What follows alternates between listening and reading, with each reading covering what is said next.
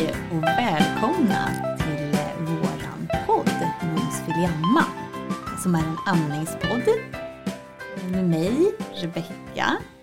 Och mig, Johanna. Och um, vilka är vi då, tänker ni? Jag är mamma till eh, tre barn, ganska små barn. Och jag är också barnmorska. Och eh, har, har, jobbat och jobbar på eh, förlossning och eftervård och eftervårdsmottagningar. Precis, och eh, vi är ju kollegor, Johanna. Eh, jag är också mamma till två, eh, ganska små, och ehm, jobbar sedan några år tillbaka också med förlossning, eftervård och eftervårdsmottagning. Eh, och vi har väl känt en längre tid att vi har velat starta den här eh, podden som kommer handla om amning. I stort och smått i, eh, på gott och ont. Eh, som kommer handla mest om ja, reflektioner, erfarenheter, tankar kring amning. Precis, vår ambition är ju att man ska kunna känna igen sig om man har ammat. Liksom känna igen sig i de eh, amningshistorierna vi eh, kommer få höra här under podden. Och också kan få en mm, bredare bild av vad man kan förvänta sig av sin egen amning om man eh, kanske är gravid eller planerar att bli gravid och vill amma. Eh, om man är en partner till någon som är gravid. Som eller om man helt enkelt bara har ett eh, eget intresse eller vill vara extra stöttande för en närstående. Vår förhoppning egentligen är ju att alla skulle vilja lyssna på det här. För det, det är ju det vi egentligen vill. Alltså vi vill få ut fakta om amning. Vi vill att amning ska vara välkommet. välkommen. Överallt, när som helst, i vilka åldrar som helst, hur som helst. Mm. Uppmuntrande liksom. Ja, precis som du säger Johanna så tänker ju vi att eh, amning är någonting man pratar alldeles för lite om. Eh, man pratar väldigt mycket om att föda barn och, och ha barn, ha små barn, bebisar, småbarn. Men amningen pratar man väldigt lite om och den blir ju en väldigt stor del av, av livet för för barnet, för den som ammar, för många runt omkring. Eh, det påverkar väldigt många. Eh, både när det kommer till eh, den fysiska hälsan, hälsan som ju vi vet blir bättre, men också den mentala. Eh, särskilt om man kanske haft det tufft. Så. Jag tycker att det borde vara ett mer omtalat ämne. Också med tanke på hur viktig faktiskt amningen är första delen av ett spädbarnsliv och hur stor okunskapen är hos gemene person i samhället. Mm. Nästan skrämmande hur dålig koll vi alla, eller de flesta människor har kring just de flesta, ja de allra flesta spädbarns liksom, första tid eh, i livet. Ja, och det märker vi ju mycket i, i det jobbet mm. som vi mm. har. Mm. Och det är väl där kanske drivet har kommit ifrån. För att när vi träffar nyblivna föräldrar på eftervården, alltså på BB efter att man har fött barn. Om man föder barn på sjukhus vill säga. Ehm, där märker vi att det finns ett jätte, jätteglapp i kunskapen. De allra flesta upplever jag har en, en bild av att amningen bara ska fungera. Det är så romantiserat. Mm. Och Det ska vara så mysigt och liksom allting ska bara är ju väldigt sällan så. Speciellt när man får barn första gången. Mm, och speciellt precis i början, första dagarna. Liksom. Ja, precis. Mm. Ett så tänker jag att man har varit med om så himla mycket. Man har varit med om den här graviditeten. Och innan graviditeten kanske liksom eh, försökte få barn. Eh, eller så vart man bara pokus gravid. Nej men jag, jag ville säga ja, men man har varit med om en graviditet, man har varit med om en förlossning och så tänker man att där ska man vara klar på något sätt. Liksom, nu har jag jobbat mig igenom det här, tagit mig igenom det här och nu börjar det nya livet, vilket det såklart gör. Eh, men det nya livet med en amning innebär också att man, man behöver göra någonting för att få igång den här amningen. Mm. Ehm, Precis, det var som en, en vän sa till mig när hon hade fått sitt andra barn. Men vi pratade om just, eller jag intervjuade henne eh, för att eh, när jag gjorde min specialistutbildning inom amning.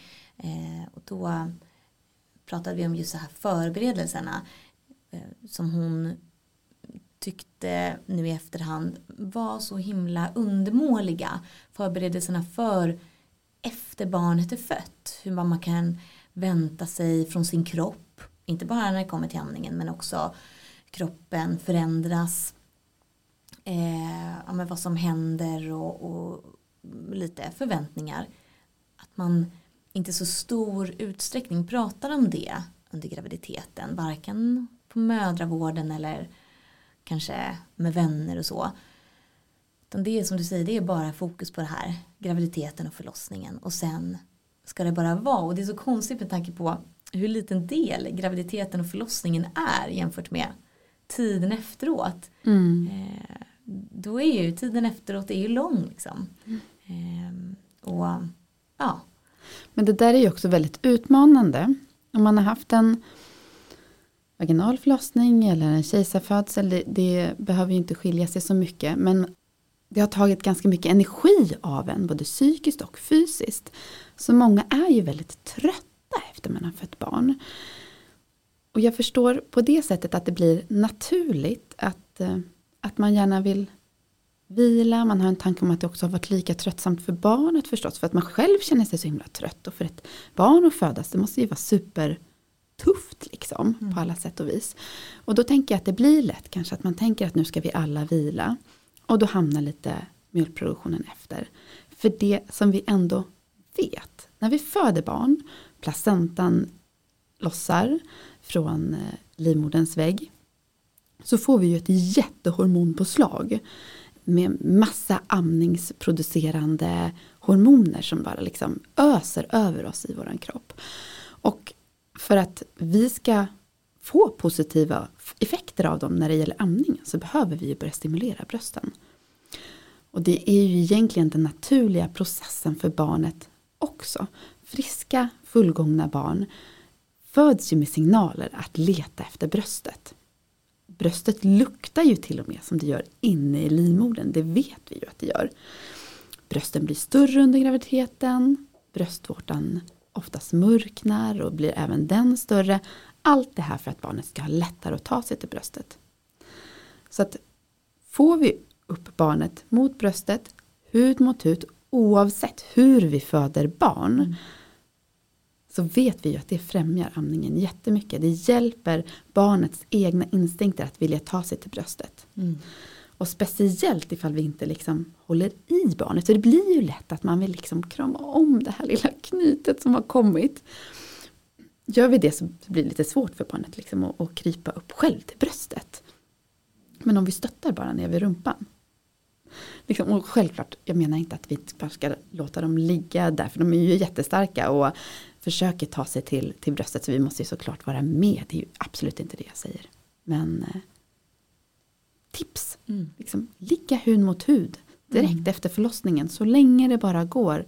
Stötta upp över rumpan, låta barnet krypa själv till bröstet och så kommer kanske barnet somna lite på vägen och sen krypa lite till och så Mm. vidare.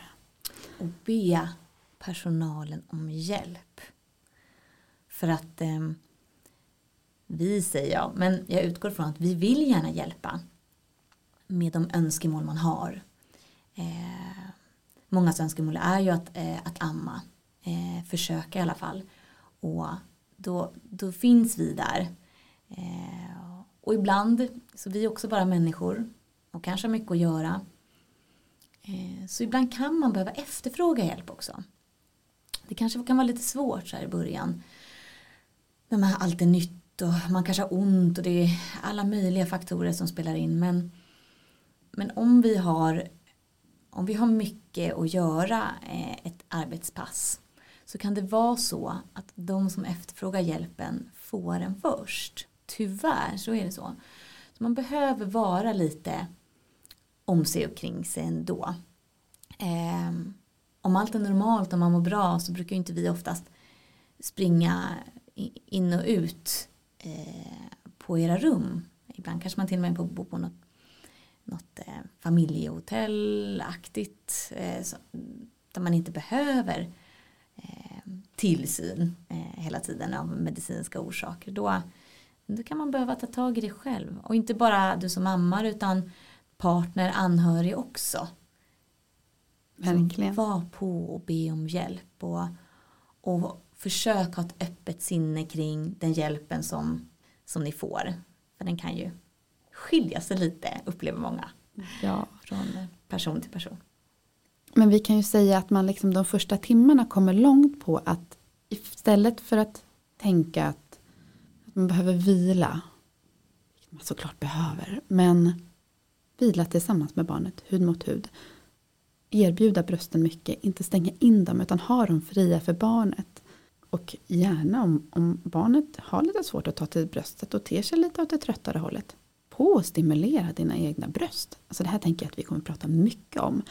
Men det är ju typ mitt bästa tips för de första timmarna för att utnyttja de här hormonerna vi får efter födseln. Stimulera, stimulera, stimulera. Mm. Om vi går över lite till att och prata om just de här erfarenheterna kring amning, tänker jag. I det här första avsnittet så kör vi lite basic och lite ja, grundläggande. Ehm, för sen så kommer det bli mer riktade avsnitt med kanske gäster och så.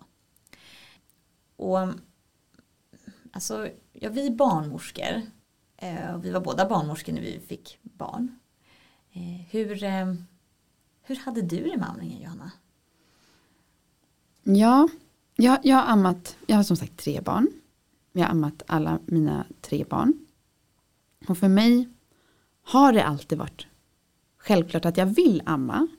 Och jag tror att jag är jättefärgad av liksom mina barnmorskekunskaper eller vad jag ska säga.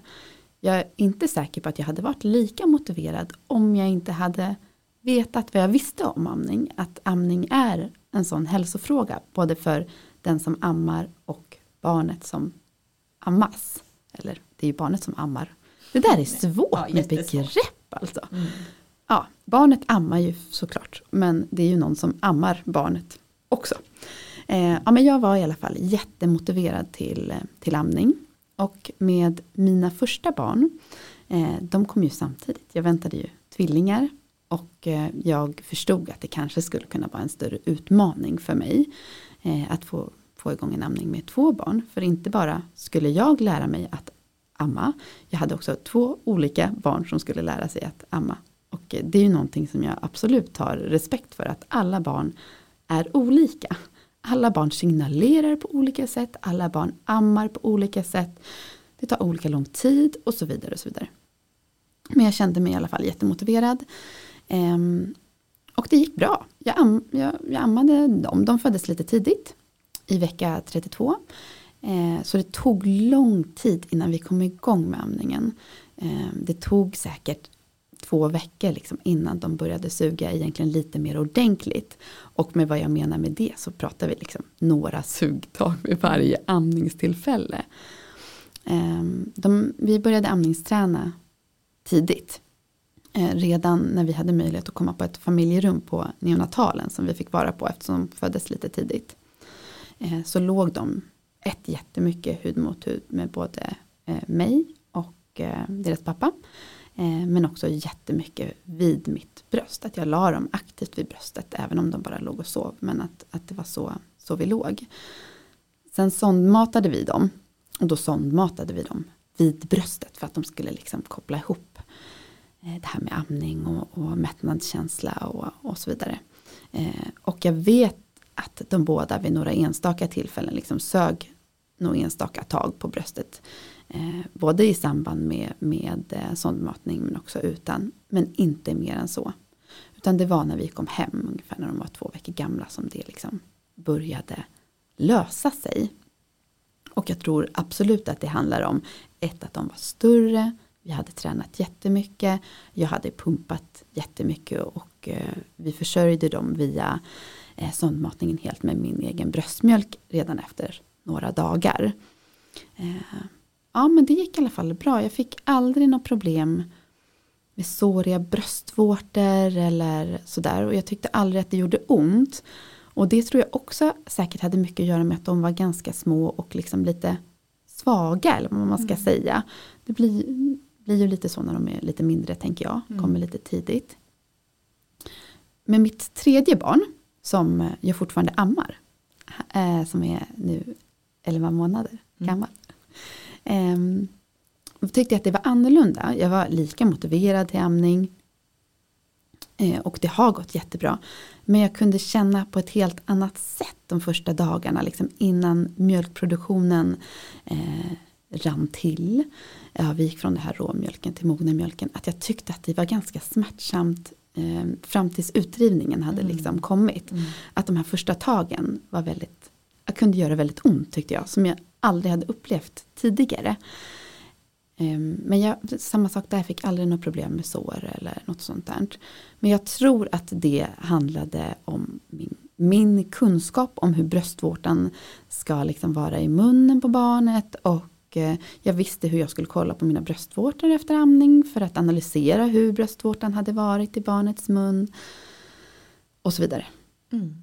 Men så mina amningsstarter har varit bra skulle jag säga. Jättebra. Men första amningen fick jag lägga väldigt mycket energi på. Mm. Och jag är jätteglad att jag gjorde det. Precis, utifrån förutsättningarna tänker jag du hade. Ja, ja. precis. Och man vet ju aldrig, det är också det som vi har mycket erfarenhet av, att man vet ju aldrig hur det kommer bli när, när man föder sitt barn. Om det råkar bli en, en prematur födsel. Hur förlossningen blir. Man, har, man spenderar så mycket tid på att läsa om graviditet och förlossning trots att man aldrig kan planera någonting. Eh, och jättefint med förlossningsbrev och förlossningsplaner. Jag tycker det är fantastiskt att läsa dem. Men i mitt stilla sinne tänker jag, jag tänker alltid när jag läser de här, ja, vi får se hur det blir.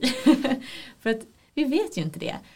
Och det är precis samma sak med amningen, man vet inte hur det blir. Men är det något som vi vet, precis som du poängterade Johanna, är ju att kunskap ger ju en kanske större trygghet, eller man trygghet i sig själv. Och det vet vi också, har man kunskap, det ger trygghet och en trygghet ger lugn. Och det är ju jätteviktigt vid namningsstart. Vi, vi vet att stress och smärta, sådana typer av, av, av eh, hormoner som, som utvecklas eh, vid stress och ångest, smärta, det blockerar det här oxytocinet som ju driver ut mjölken. Så det finns så mycket som kan påverka andningen. Eh, och det är det grundläggande liksom. En välmående, ammande kvinna. Eh, och eh, ja, i största möjliga mån som lugn och ro. Och bekvämlighet. Mm. Verkligen, men precis som du är lite inne på den här tilltron till sig själv. Mm den upplever jag verkligen brister hos många. Att man inte man tror inte helt och fullt ut på att ens kropp kunde, kommer att kunna producera mjölk i den mängd som behövs eller i den korrekta ja, formen. Um, eller att man i alla fall inte vågar tro eller vågar säga att man tror. Min upplevelse är att många säger när de ska ha fått sitt första barn att vi får se hur det går. Eh, jag skulle vilja amma, men vi får se hur det blir. Går det så går det, går det inte så går det inte. Mm. Det är ju fantastiskt att vi i våran värld vi lever idag att det finns möjligheter om man får svårigheter av olika slag. Det är helt fantastiskt. Men det är ju så många aspekter som inte formulan, alltså bröstmjölksersättningen, kan bidra med. Mm, bidra med bra nutrition, självklart. Men allt det andra går ju tyvärr inte att kopiera från bröstmjölken. Eh, så att, eh, vill man amma så vill ju vi så himla gärna eh, genom vårt arbete och kanske genom de här, den här podden också men göra de möjligheterna större och kanske ja, att bara öppna upp för ämnet gör det lite lättare att prata om. Lättare att be om hjälp, lättare att dryfta det man känner och allt man känner ska vara okej. Okay. Um, vi försöker, nu har vi inte alltid tid till det, men jobba lite genom motiverande samtal. försöka prata lite om också hur man, hur man upplever och hur man känner. Men i början när man precis har fått sitt barn så är det så svårt att greppa allting kring amningen. Man är fortfarande så trött och, och, och i en bubbla efter den här förlossningen. Så vi som har jobbat mycket på återbesöksmottagningen vi, vi märker ju att det är oftast därefter ett par tre dagar som det kommer. Alla frågor, alla tankar, eh, alla problem, eller ja inte alla problem men många problem. Mm. Oftast mycket lättare att hjälpa där och då. Och där och då så har vi ju en begränsad tid. Så där är också mycket den här själv att, själv behöva kunna fråga om hjälp till oss, till BVC. Och om inte BVC har möjlighet eller kan hjälpa till så finns det ju amningsmottagningar knutna till BVC idag. Som fråga efter. Mm. Fråga efter dem. De kan hjälpa om inte andra. Och gärna börja fråga redan när du är gravid. Ja. Eller din partner är gravid. Eller du har någon som du känner som gravid som du vill stötta. Ju tidigare desto bättre. Mm. Jag skulle ju egentligen hoppas att man liksom hade en ganska grundläggande kunskap om amning långt innan man blir gravid. Ja, verkligen. Som kommer redan i skolan. Ja. Sex och samlevnad. Ja, verkligen. Mm. Just för att det är en sån hälsofråga. Mm. Men Rebecka, mm. har du ammat dina barn? Ja, jag har ammat eh, båda mina barn. Precis som du säger Johanna så var jag oerhört motiverad. Du vet, jag var ju öppen för liksom att ja, man vet inte vad som händer. Om barnet inte mår bra, inte friskt, då får man se. Men om alla mår bra och friska då, då in i kaklet. Det här ska bara funka. Så det jag visste att ja, men, minst sex månader vill jag amma så får vi se hur det går och hur barnet känner, vill. Um, och jag tyckte att det gjorde väldigt ont i början. Jätteont verkligen. Ehm, första, precis som du pratar om där, första tagen innan utdrivningen kommer. Jag fick inga direkta problem men det gjorde, var väldigt smärtsamt. Man kan nästan minnas hur man drog upp axlarna så här och var tvungen att profylaxandas. ehm, och jag kommer ihåg min, min mamma föreslog att jag skulle använda en amningsnapp. jag bara, nej, det kan jag inte göra. Ibland är man ju lite också så här ah, knäppt envis för att man är lite yrkesskadad. Men det gick bra ändå, trots att jag inte använde en amningsnapp. Eh, och ehm, eh, jag ammade. Eh, jag fick lite jag fick lite nedslag där kring tre fyra månader. Då var han lite knölig på kvällarna och gick ner, eller gick ner i vikt gjorde han inte, men gick dåligt upp i vikt. Eh, och då tyckte de att jag skulle börja med att komplettera med lite formula men han ville inte riktigt ha det heller så det blev inte så mycket sånt. Och det gick bra ändå. Han följde sin kurva och nu i efterhand när jag fått två barn så vet jag att så tittat på mina gamla BVC-papper att det är så mina barn ser ut. Och jag också var väldigt liten. Och det är också en, en svår grej trots att man sitter där som barnmorska och har de kunskaperna man har så, så lyssnar man på den här äh, duktiga, kunniga eh, vårdpersonalen som liksom kommer med råd. Och nu i efterhand när jag har fått lära mig en massa kring amning, gått kurser och lära mig av kollegor och så, så inser jag att jag hade kunnat intensiva amma honom i ett par dagar hade min mjölkproduktion ökat. Ofta så behöver ju barnen där vid tre fyra månader liksom ha en större mängd. Men trots att jag var barnmorska så var jag ganska ny i yrket och visste inte riktigt det. Eftersom vi ju inte jobbar med dem Eh, de åldrarna hos barnen. Ehm, så det, så det, finns så många aspekter eh, som kan påverka. Sen tyvärr så slutade jag amma honom när jag började jobba för jag tänkte att det skulle bli svårt att amma och jobba samtidigt. Men eh, det inser jag i efterhand att det hade nog gått bra att amma honom bara ett par gånger per dygn. För han hade nog velat fortsätta. Och jag sörjer det lite grann att jag forcerade den, det avslutandet på grund av att eh, min dotter som jag ammade senast hon, eh, hon bara totalvägra där kring 8-9 månader. Hon ville absolut inte. Eh, till min stora sorg för jag hade tänkt att amma henne mycket längre. Men eh, ja, så är det ibland. Mm. Man kan inte alltid styra vad barnen vill heller. Nej, Som du säger, olika barn. Olika Verkligen. erfarenheter. Och det gäller ju verkligen hela amningen. Det gäller ju såklart hela barnets liv. Liksom, och det är Ja. det det handlar om förstås. Men jag tänker när du la ner din amning med, med din första. Mm. Minns du ungefär hur gammal han var då? Ja, det var där samma, kring nio månader började Ja. jag jobba. Eh, och då tog det väl några veckor så för att jag gör, han var fortfarande på natten. Och det gick ju bra, det var inte så att han, jag vet ju att jag ammade honom enstaka tillfällen efteråt när han var ledsen och så. Och just därför kan jag känna den här, han hade kunnat fortsätta nu i efterhand. Så, så olika beteende som de hade. Han var liksom bröstvänlig eh, Mm. liksom längre, längre fram. Medan min, min, mitt andra barn inte var det. Hon liksom verkligen rat, hon, hon, bet mig aktivt. så det gjorde ont. Eh, de har ju tänder då i den åldern också, det är inte Ja. jätteskönt. Nej. Så ja, eh, det är så svårt att veta. Och det kan man ju också, det kan man säkert få jättemycket tips och råd och hjälp kring fortsätta amma i det längre spektrat när barnen blir lite större om man vill det. För det man ju faktiskt vet är ju att eh, det är ju otroligt eh, hälsofördelaktigt för dig som kvinna att amma länge. Eh, den största hälsovinsten för barnet är väl liksom, allra största är väl de första sex månaderna. Sen finns det ju såklart hälsovinster att amma längre tid också.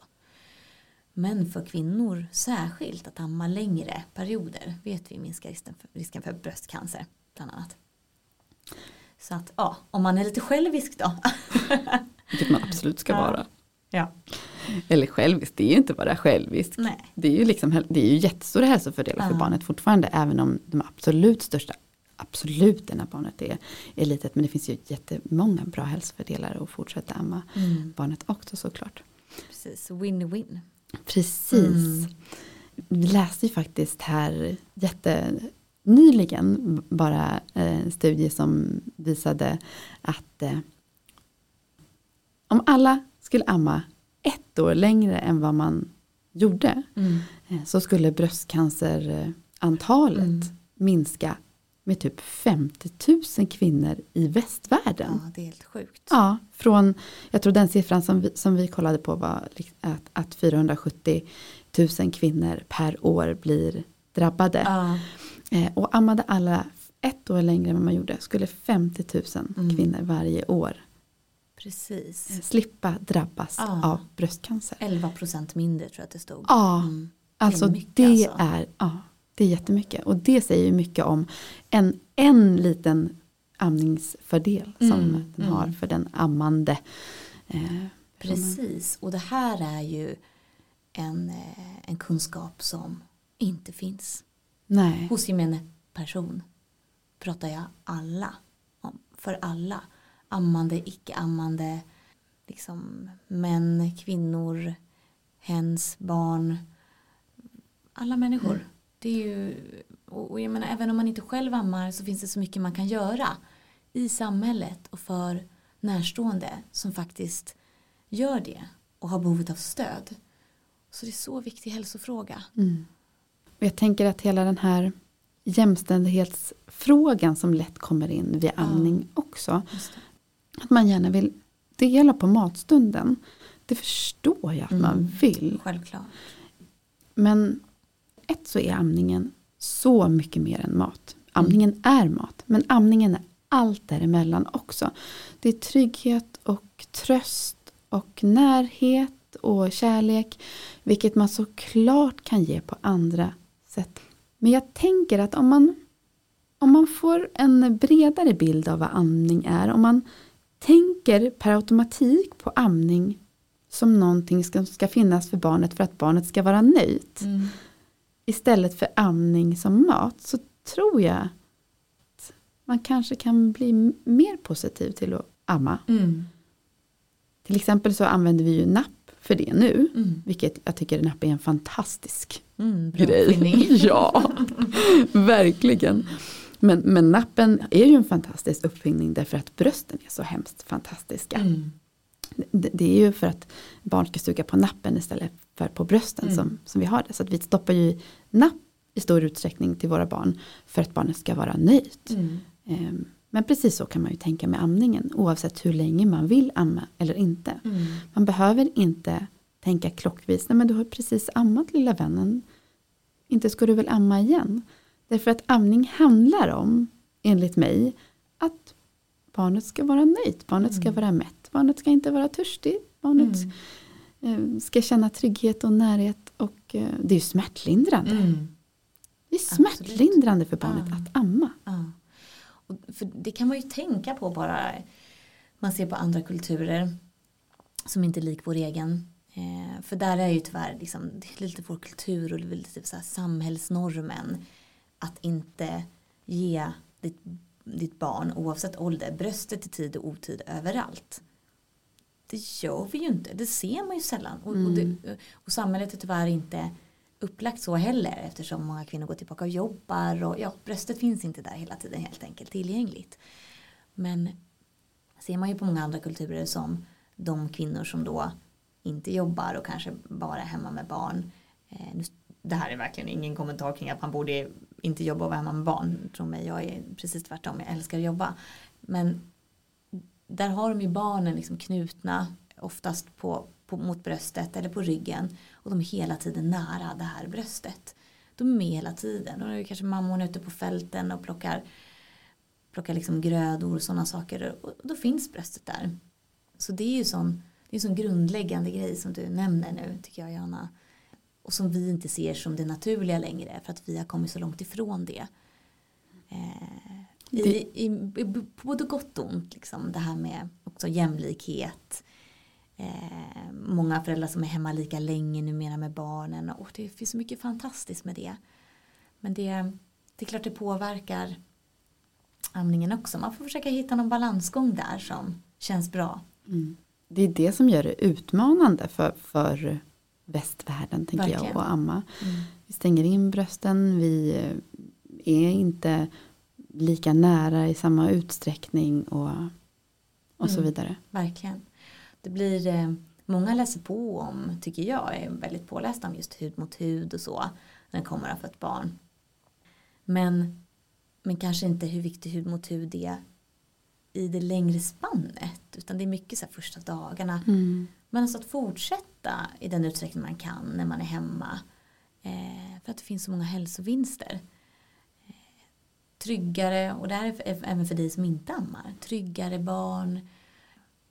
Barn som har legat hud mot hud är ju i, lägre utsträckning, eh, visar studier, liksom, eh, eh, involverade i eh, våldsbrott och så. Eh, alltså, ja, det var längre fram när de är Mm. vuxna. Mm. Det helt Men det är ju helt egentligen. fantastiskt. Mm. Det finns ju studier som visar att hud mot hud med, med pappa, om det finns en pappa i bilden, Mm. Också minskar risken för att pappa är våldsam Ja, mot barnet. exakt. Mm. Det är ju de här fantastiska hormonerna som man får Mm. när man är hud Precis. mot hud. Mm. Och det kan man nästan tänka sig. Jag tänker så här, när vi är hud mot hud med en annan vuxen person så känns ju det helt annorlunda än att vara hud mot, nej man är ju inte hud mot hud då, men att vara nära liksom eh, män med, kläder, på. Mm. Det går ju inte att jämföra. Nej. Det frisätter någonting i oss. Ja. Eh, och jag tänker också när man ammar, hela liksom oxytocinfrisättningen hos både den som ammar och barnet som ammar. Eh, som som hjälper, hjälper till med sån avslappning åt båda hållen. Det hjälper oss både att, jag tänker till natten, liksom somna och, Mm. och den Ja. här. Det är som ett sömnpiller. Det är det verkligen. Ja. Och det vet vi också faktiskt. Att många tänker det här med sömnen. Att det, det påverkar så mycket. Det är klart det gör. Särskilt om, man, om, om det strular med amningen. Så klart påverkar sömnen jättemycket. Men har man möjlighet att vila samtidigt som man ammar. Så vet vi att om man ammar x antal gånger per natt. Då hjälper ju faktiskt kroppen och oxytocinet till med att man inte känner sig lika trött efteråt. Trots att man har varit vaken mer och har fått en störd nattsömn. Och faktiskt minska risken för depressioner Mm. och så. Men som sagt, det här med kunskap i det grundläggande som vi känner att vi vill bidra till också öppenhet. Kunna prata om allt. Precis. Mm. Så um, ja, med det här sagt så eh, kanske vi avrundar lite för första avsnittet. Eh, kika gärna in på vår Instagram-sida eh, Mums Filiamma där det kommer kunna, eh, ni kommer kunna skriva till oss om ni har tankar eller önskemål kring ämnen att ta upp. Eller om ni själva känner att ni skulle vilja gästa våran podd. För de flesta gäster vi kommer ha kommer ju vara ja, icke-kända människor. Precis, vanliga människor som i någon utsträckning eh, har ammat eller funderat på att amma eller Haft Liknande. problem. ja, Mm. precis. Ehm, eller har vissa särskilda kunskaper. Kommer vi väl kanske ta in en och annan Exakt. med tanke på vår arbetsbakgrund. Och vi postar ju på Instagram när vi eh, lägger upp avsnitt Mm, eh, och kanske lite kort vad, vad man kan förvänta sig av avsnittet. precis. Jätte, jättekul att ni har lyssnat. Verkligen. Och ehm, hoppas att eh, ni har fått med er någonting. Eller att det väckt någon tanke i alla fall. Och att ni eh, vill lyssna nästa avsnitt. Men eh, ta hand om er där ute så eh, ses vi snart. Det gör vi. Bra. Ha det fint! Hej.